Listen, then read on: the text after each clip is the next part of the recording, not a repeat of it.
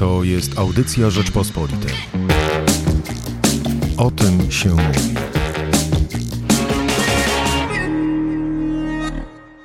Dziś porozmawiamy trochę przewrotnie nie o tym, o czym się mówi, ale o tym, o czym powinno się mówić na pewno więcej. Także, a może przede wszystkim w czasach pandemii.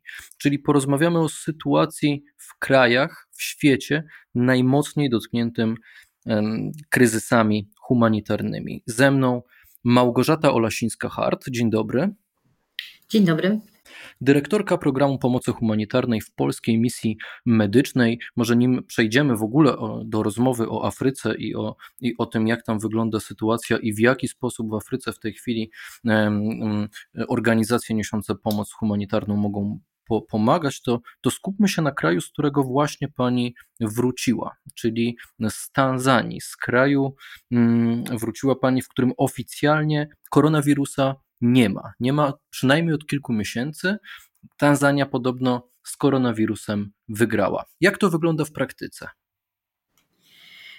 E, tak, niestety, mm, e, oczywiście rzeczywistość jest zupełnie inna niż podają to politycy. W ubiegłym roku nieżyjący już e, prezydent Magufuli, który zmarł na atak serca, a plotka narodowa głosi, że zmarł na COVID. W maju ubiegłego roku prezydent Magufuli ogłosił Tanzanię krajem wolnym od wirusa, który został z Tanzanii wypędzony przez narodowe modlitwy y, i opary wody oraz ziół. Zrobił też taką prowokację, dał do laboratorium y, wymazy z ludzi, ale też ze zwierząt i roślin pod y, nazwiskami fikcyjnych osób i testy wykazały, że koronawirusa ma także koza i papaja. W związku z czym uznał, że testy są kompletnie niewiarygodne. Tanzania przestała robić testy już w kwietniu 2020 roku, a od maja otworzyła całkowicie granice, zarówno powietrzne, jak i lądowe, no i ogłosiła się strefą wolną od koronawirusa. Obecnie mm, Koronawirus jest obecny w Tanzanii, z czego zdają sobie sprawę wszyscy. Był też y, w szpitalu, gdzie pracuje polska misja medyczna. Niemniej jednak kraj jest otwarty, wszystko działa, nie ma lockdownu, nie trzeba nosić maseczek na ulicach, nie trzeba zachowywać dystansu, nie kupuje się testów, y, nie ma zamiaru się kupić szczepionki. Y, tak, Tanza- niestety tak wygląda rzeczywistość. Tanzania to także oczywiście bardzo e, popularny wśród polskich turystów dzisiaj Zanzibar, tak zwana popularna destynacja turystyczna, jak to się pięknie po polsku e, e, mówi. Z czym tak naprawdę musimy się liczyć, jeżeli wykupimy sobie właśnie w trakcie pandemii wycieczkę na Zanzibar? Bo rozumiem, że tam czeka nas raj bez koronawirusa, żadnych maseczek, otwarte restauracje, wieczorne imprezy, hulaj dusza, tak? Tak, dokładnie tak. Y, nie ma żadnych obostrzeń, y, nie trzeba robić testu lecąc do Tanzanii ani na Zanzibar. Y, wszystko jest otwarte. Wycieczki takie lokalne również można kupić do, do każdego miejsca na Zanzibarze. Kraj działa tak, jakby koronawirusa nie było. Myślę, że rząd wyszedł z założenia, że ci, którzy mają umrzeć, to po prostu umrą, no cała reszta przetrwa, bo uzyska taką odporność y, zbiorową i dzięki temu ten koronawirus będzie w jakimś sensie pod kontrolą. Y, można się z tym y, nie zgodzić, można uznać to za szaleństwo, ale po pięciokrotnym pobycie w Tanzanii w trakcie pandemii koronawirusa, bo jeździłam tam od lipca zeszłego roku, a ostatni raz y, wróciłam z Tanzanii dwa dni temu. Y, być może ten system y, też nie jest systemem, który, którego nie, nie, nie można jakby zaakceptować, ponieważ kraj nie ma respiratorów, nie ma opieki medycznej y, w częściach, y, w częściach małych miasteczek i wsi. Można dostać opiekę medyczną tylko tak naprawdę w Dar Salam, może w Dodomie. Y, więc jak nie ma się czym leczyć, nie ma się czym testować i nie będzie się czym szczepić, no to w takim razie po co się zamykać? No i tak to, i tak to po prostu działa. Też trzeba pamiętać, że Afryka subsaharyjska, w tym też Tanzania, ma inną perspektywę na śmierć. Śmierć jest nieodłączną częścią życia, która mm, zdarza się tam o wiele częściej i w sytuacjach, które u nas nie są sytuacjami kryzysowymi, ale na przykład drobne infekcje, złamania, prowadzą jednak do śmierci w Tanzanii, a w naszym kraju są całkowicie uleczalne za pomocą antybiotyków.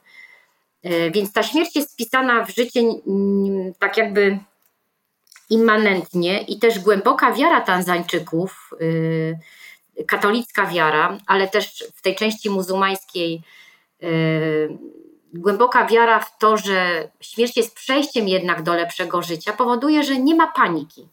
W Tanzanii nie panuje żadna panika związana z koronawirusem, nie panuje żadne y, zatrwożenie nieuchronnością śmierci, na przykład gdy jest się w podeszłym wieku i się zarazi COVID-em?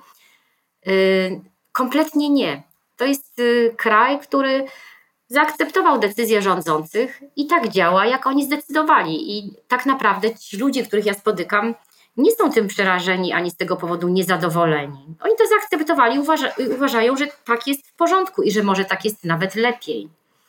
Czyli rozumiem. Wygląda z perspektywy mojej. Rozumiem, że nie pomagała Pani walczyć w Tanzanii z koronawirusem. To czym dokładnie Pani się tam zajmowała podczas e, na przykład swojego ostatniego pobytu?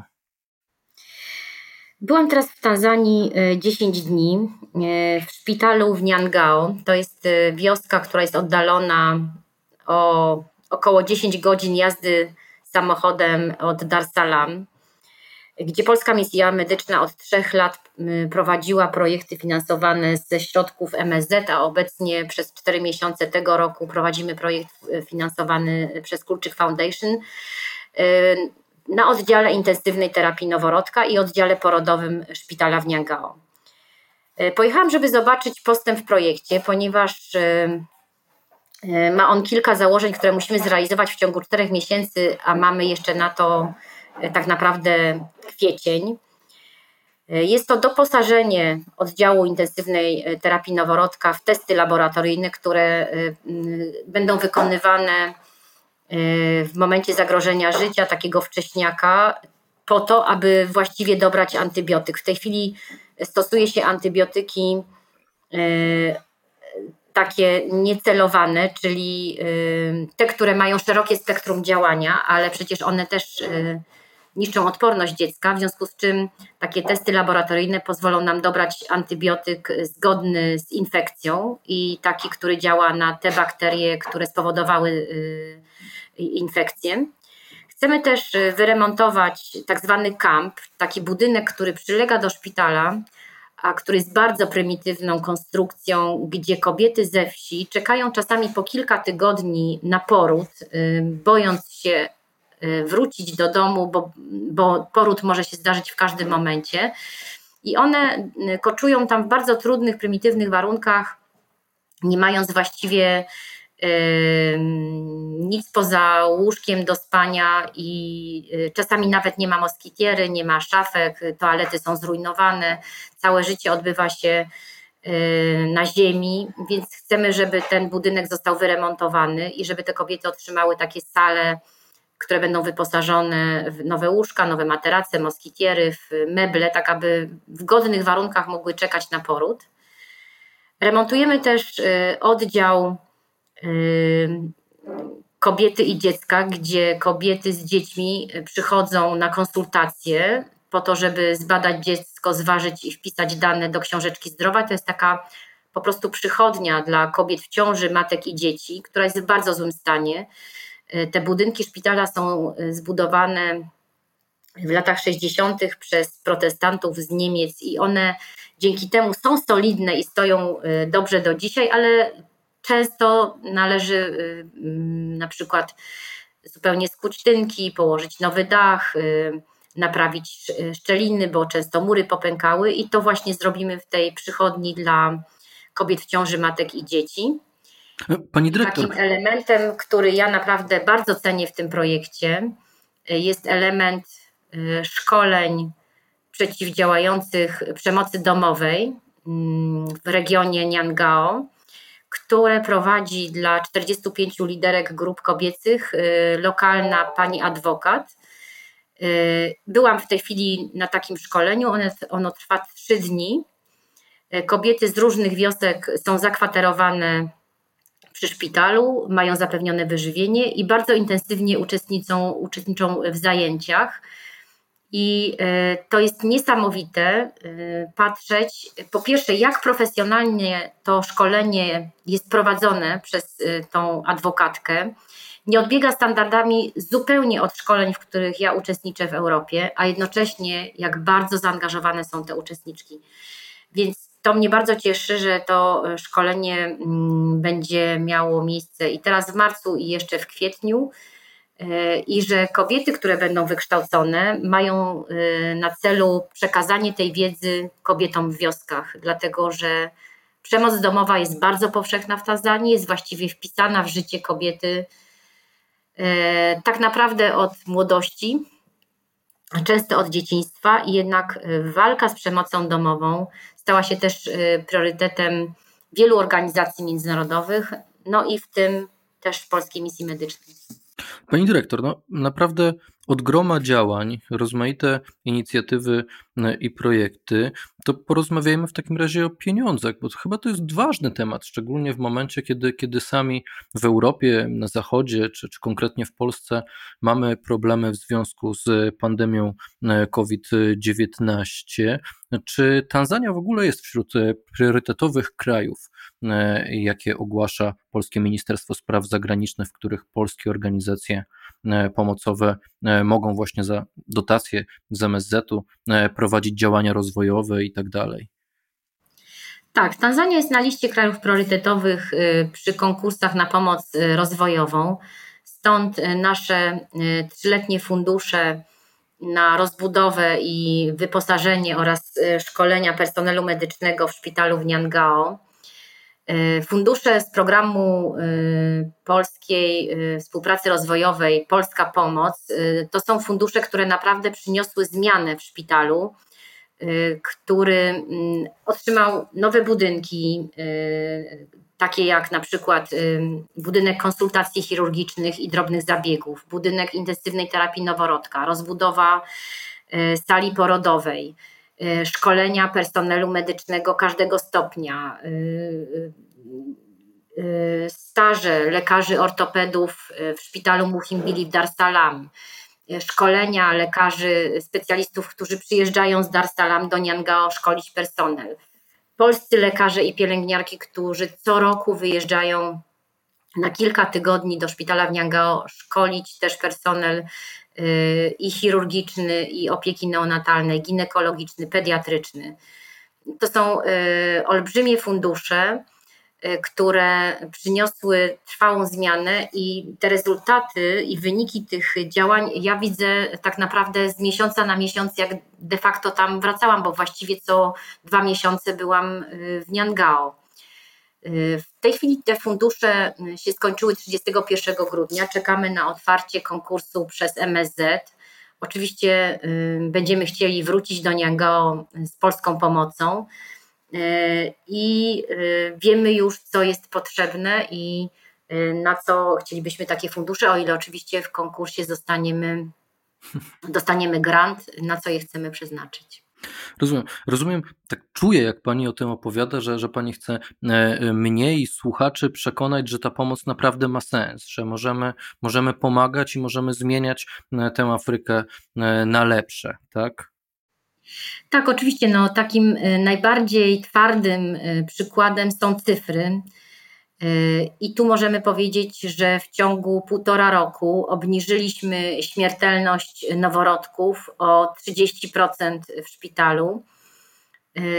Umierało około 116, 116 dzieci na tysiąc. W tej chwili ta cyfra zmalała do 108 i mamy nadzieję, że zejść do takiej e, jednocyfrowej śmiertelności. To i tak są dość zatrważające procenty, jeżeli chodzi o porównanie do śmiertelności noworodków w Europie, ale jak na Afrykę są to wyjątkowo, to jest bardzo duży sukces. To są rezultaty, które naprawdę robią wrażenie.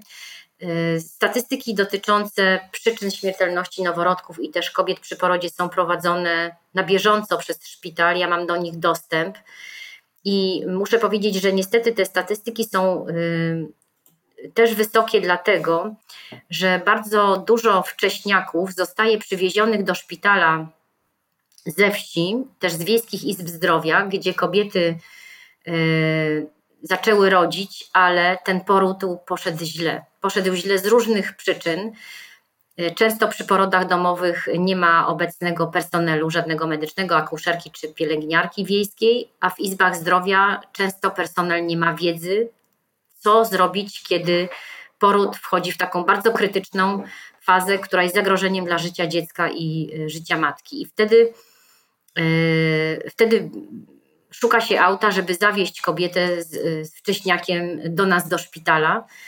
Y, taki transport trwa około kilku godzin. Ja byłam teraz cztery dni temu przy resuscytacji noworodka, który został przywieziony właśnie z takiego bardzo krytycznego porodu w Wiejskiej Izbie Zdrowia i miał, miał już pięć godzin, ale to było pięć godzin niedotlenienia, bo dziecko nie podjęło samo oddechu, było y, resuscytowane w Wiejskiej Izbie Zdrowia. Oczywiście też u nas w szpitalu zostały mu podane leki, antybiotyki, tlen, ale y, nawet jeżeli to dziecko przeżyje, to i tak będzie trwale niepełnosprawne, bo ten mózg był niedotleniony przez kilka godzin, a my wiemy, że w ciągu czterech minut zaczyna obumierać, więc to są, to są właśnie takie tragedie, których można uniknąć. I dużą częścią naszego mm, projektu są szkolenia pielęgniarek w wiejskich izbach zdrowia, ale musi być to e, zintensyfikowane e, i musi być to trwałe, dlatego że ten personel też rotuje, ale też ta wiedza musi być utrwalona. Jednak człowiek ma w sobie taki nawyk, żeby Y, nowości przyjmować z rezerwą, a iść utartymi, starymi, dobrze znanymi ścieżkami. I to też dotyczy mm, procedur medycznych, też procedur związanych z zachowaniem higieny, reżimu sanitarnego. My uczymy y, bardzo y, restrykcyjnie zasad higieny i reżimu sanitarnego na oddziale intensywnej terapii noworodka. Mówimy pielęgniarkom, jeżeli dotknęłaś jedno dziecko w rękawiczkach, ściągnij je, wyrzuć, dotykasz następne w kolejnych rękawiczkach. Inkubator musi być umyty po każdym dziecku, które w nim było. Jeżeli podnosisz coś z podłogi w rękawiczce, wyrzuć rękawiczkę razem z tym śmieciem, nie dotykaj tą rękawiczką żadnego innego przedmiotu. To jest bardzo trudne wyrobić te nawyki, które muszą stać się już podświadome w mózgach y, personelu medycznego na tak y, ważnym oddziale, jakim jest intensywna terapia noworodka, żeby te noworodki miały jak największą szansę przeżyć. A my wiemy, że mm, higiena też jest bardzo ważnym czynnikiem y, przenoszenia bakterii czy wirusów, który decyduje o tym, czy to dziecko mm, przeżyje, czy nie, czy będzie miało infekcję, czy nie będzie miało infekcji. Także staramy się zmieniać nawyki.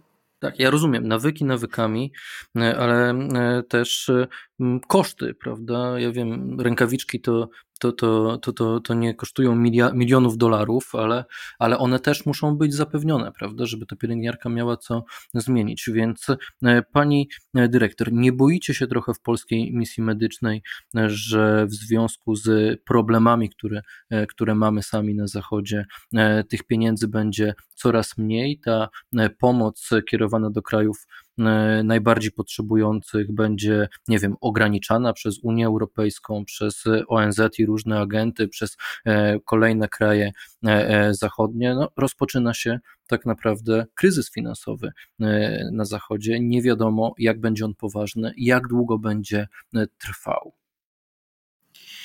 Nie, wręcz przeciwnie. Jest już nowy plan finansowy Komisji Europejskiej na lata 2021-2027, gdzie fundusze na pomoc y, humanitarną i rozwojową zostały zwiększone o kilkadziesiąt procent.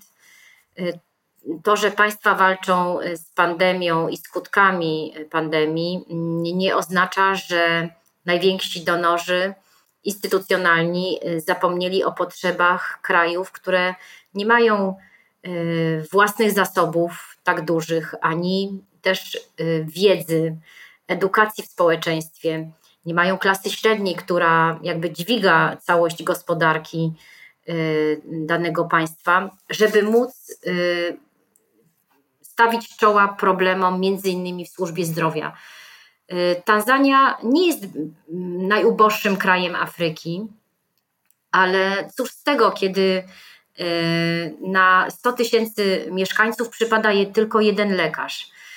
Czyli na dwumilionową Warszawę byłoby 20 lekarzy. No to jest taka skala zjawiska, jeśli chodzi o pomoc medyczną.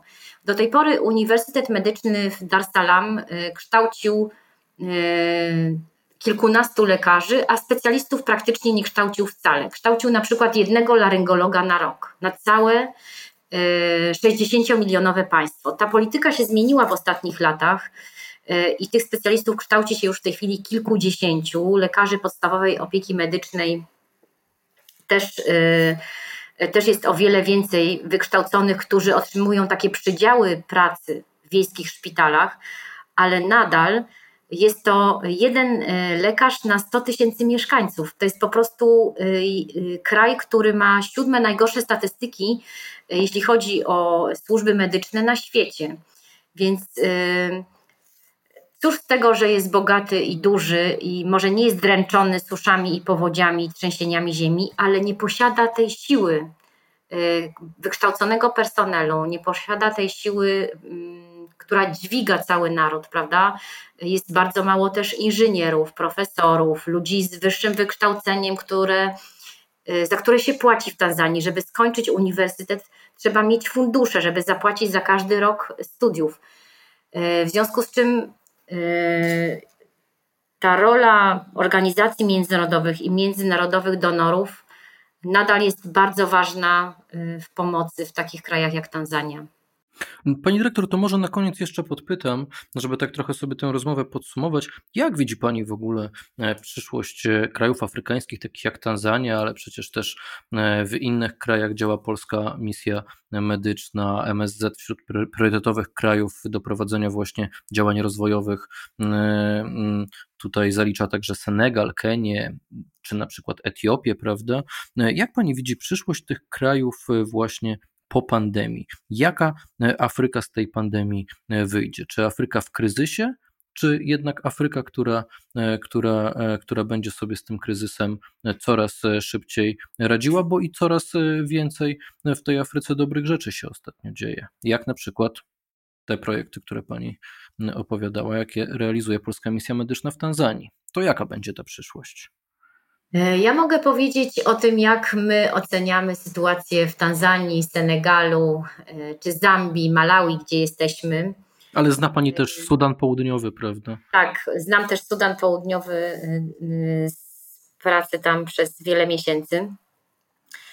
Afryka nie została dotknięta ekonomicznie tak ciężko jak e, kraje e, Europy, czy Ameryki Północnej, czy Ameryki Południowej, ponieważ e, generalnie nie wprowadziła zamknięcia ekonomii. Te kraje nadal prowadzą ze sobą handel w ramach Unii Wschodnioafrykańskiej nie zamknęły biznesów wewnątrz swoich krajów, y, nie wprowadziły takich y, restrykcji związanych z gospodarką, jak są to wprowadzone w krajach europejskich. Więc myślę, że Afryka po covid nie będzie bardzo osłabiona ekonomicznie, ale myślę, że zmieni się stosunek zwykłych mieszkańców do Y, sytuacji pandemicznej, ponieważ y, to, co jest naprawdę bardzo pozytywnym efektem y, naszych działań w ramach pandemii, jest naprawdę zwiększenie i, tego, co też mówią rządy krajów afrykańskich, że zwiększenie praktyk higienicznych chroni przed wirusem. I to, co rzeczywiście ludzie zaczęli robić, nawet, nawet na wsi, to zaczęli myć ręce. I to jest naprawdę taki krok do przodu, który, który zapobiegnie wielu chorobom, nie tylko koronawirusowi, ale naprawdę dziesiątkom chorób, które są śmiertelne dla dzieci i dorosłych w Afryce, a które są wynikiem tylko i wyłącznie braku higieny. Nikt nie nosi maseczek w Dar es Salaam, nikt nie nosi maseczek w Tanzanii, ale przy wejściu do każdego sklepu, do każdego banku ustawione są kontenery z wodą, gdzie trzeba umyć ręce. Jak się wchodzi mm, do jakiegokolwiek wewnętrznego pomieszczenia z jakimiś usługami, trzeba ręce zdezynfekować. To się stało i to się dzieje, i to weszło już tak naprawdę w drugim roku pandemii w pewien nawyk y, Tanzańczyków y, y, czy Senegalczyków. I mamy nadzieję, że ten nawyk z nimi zostanie, i to jest bardzo ważne. Myślę, że Afryka, taka, którą my znamy jako Polska Misja Medyczna, zaczęła stosować pewne standardy higieniczne na poziomie y, rodziny, czy na poziomie takiego zwykłego życia codziennego, y, bardzo zbliżone do, do naszych. Y, I to obserwuję, mm, jak jestem w Tanzanii na co dzień. I to jest dla mnie niesamowite, że jednak ta dyscyplina jest. No ale oczywiście, mimo braku COVID-a, braku leczenia, braku testów, te zasady higieny zostały wprowadzone i one są stosowane. I y, uważam, że to jest bardzo duży sukces, taki efekt y, uboczny, pożądany, y, popandemiczny w Afryce.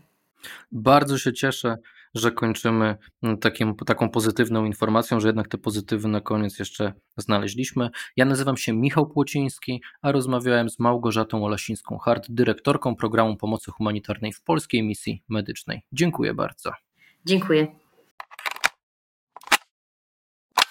Słuchaj więcej na stronie podcasty.rp.pl. Szukaj Rzeczpospolita Audycje w serwisach streamingowych.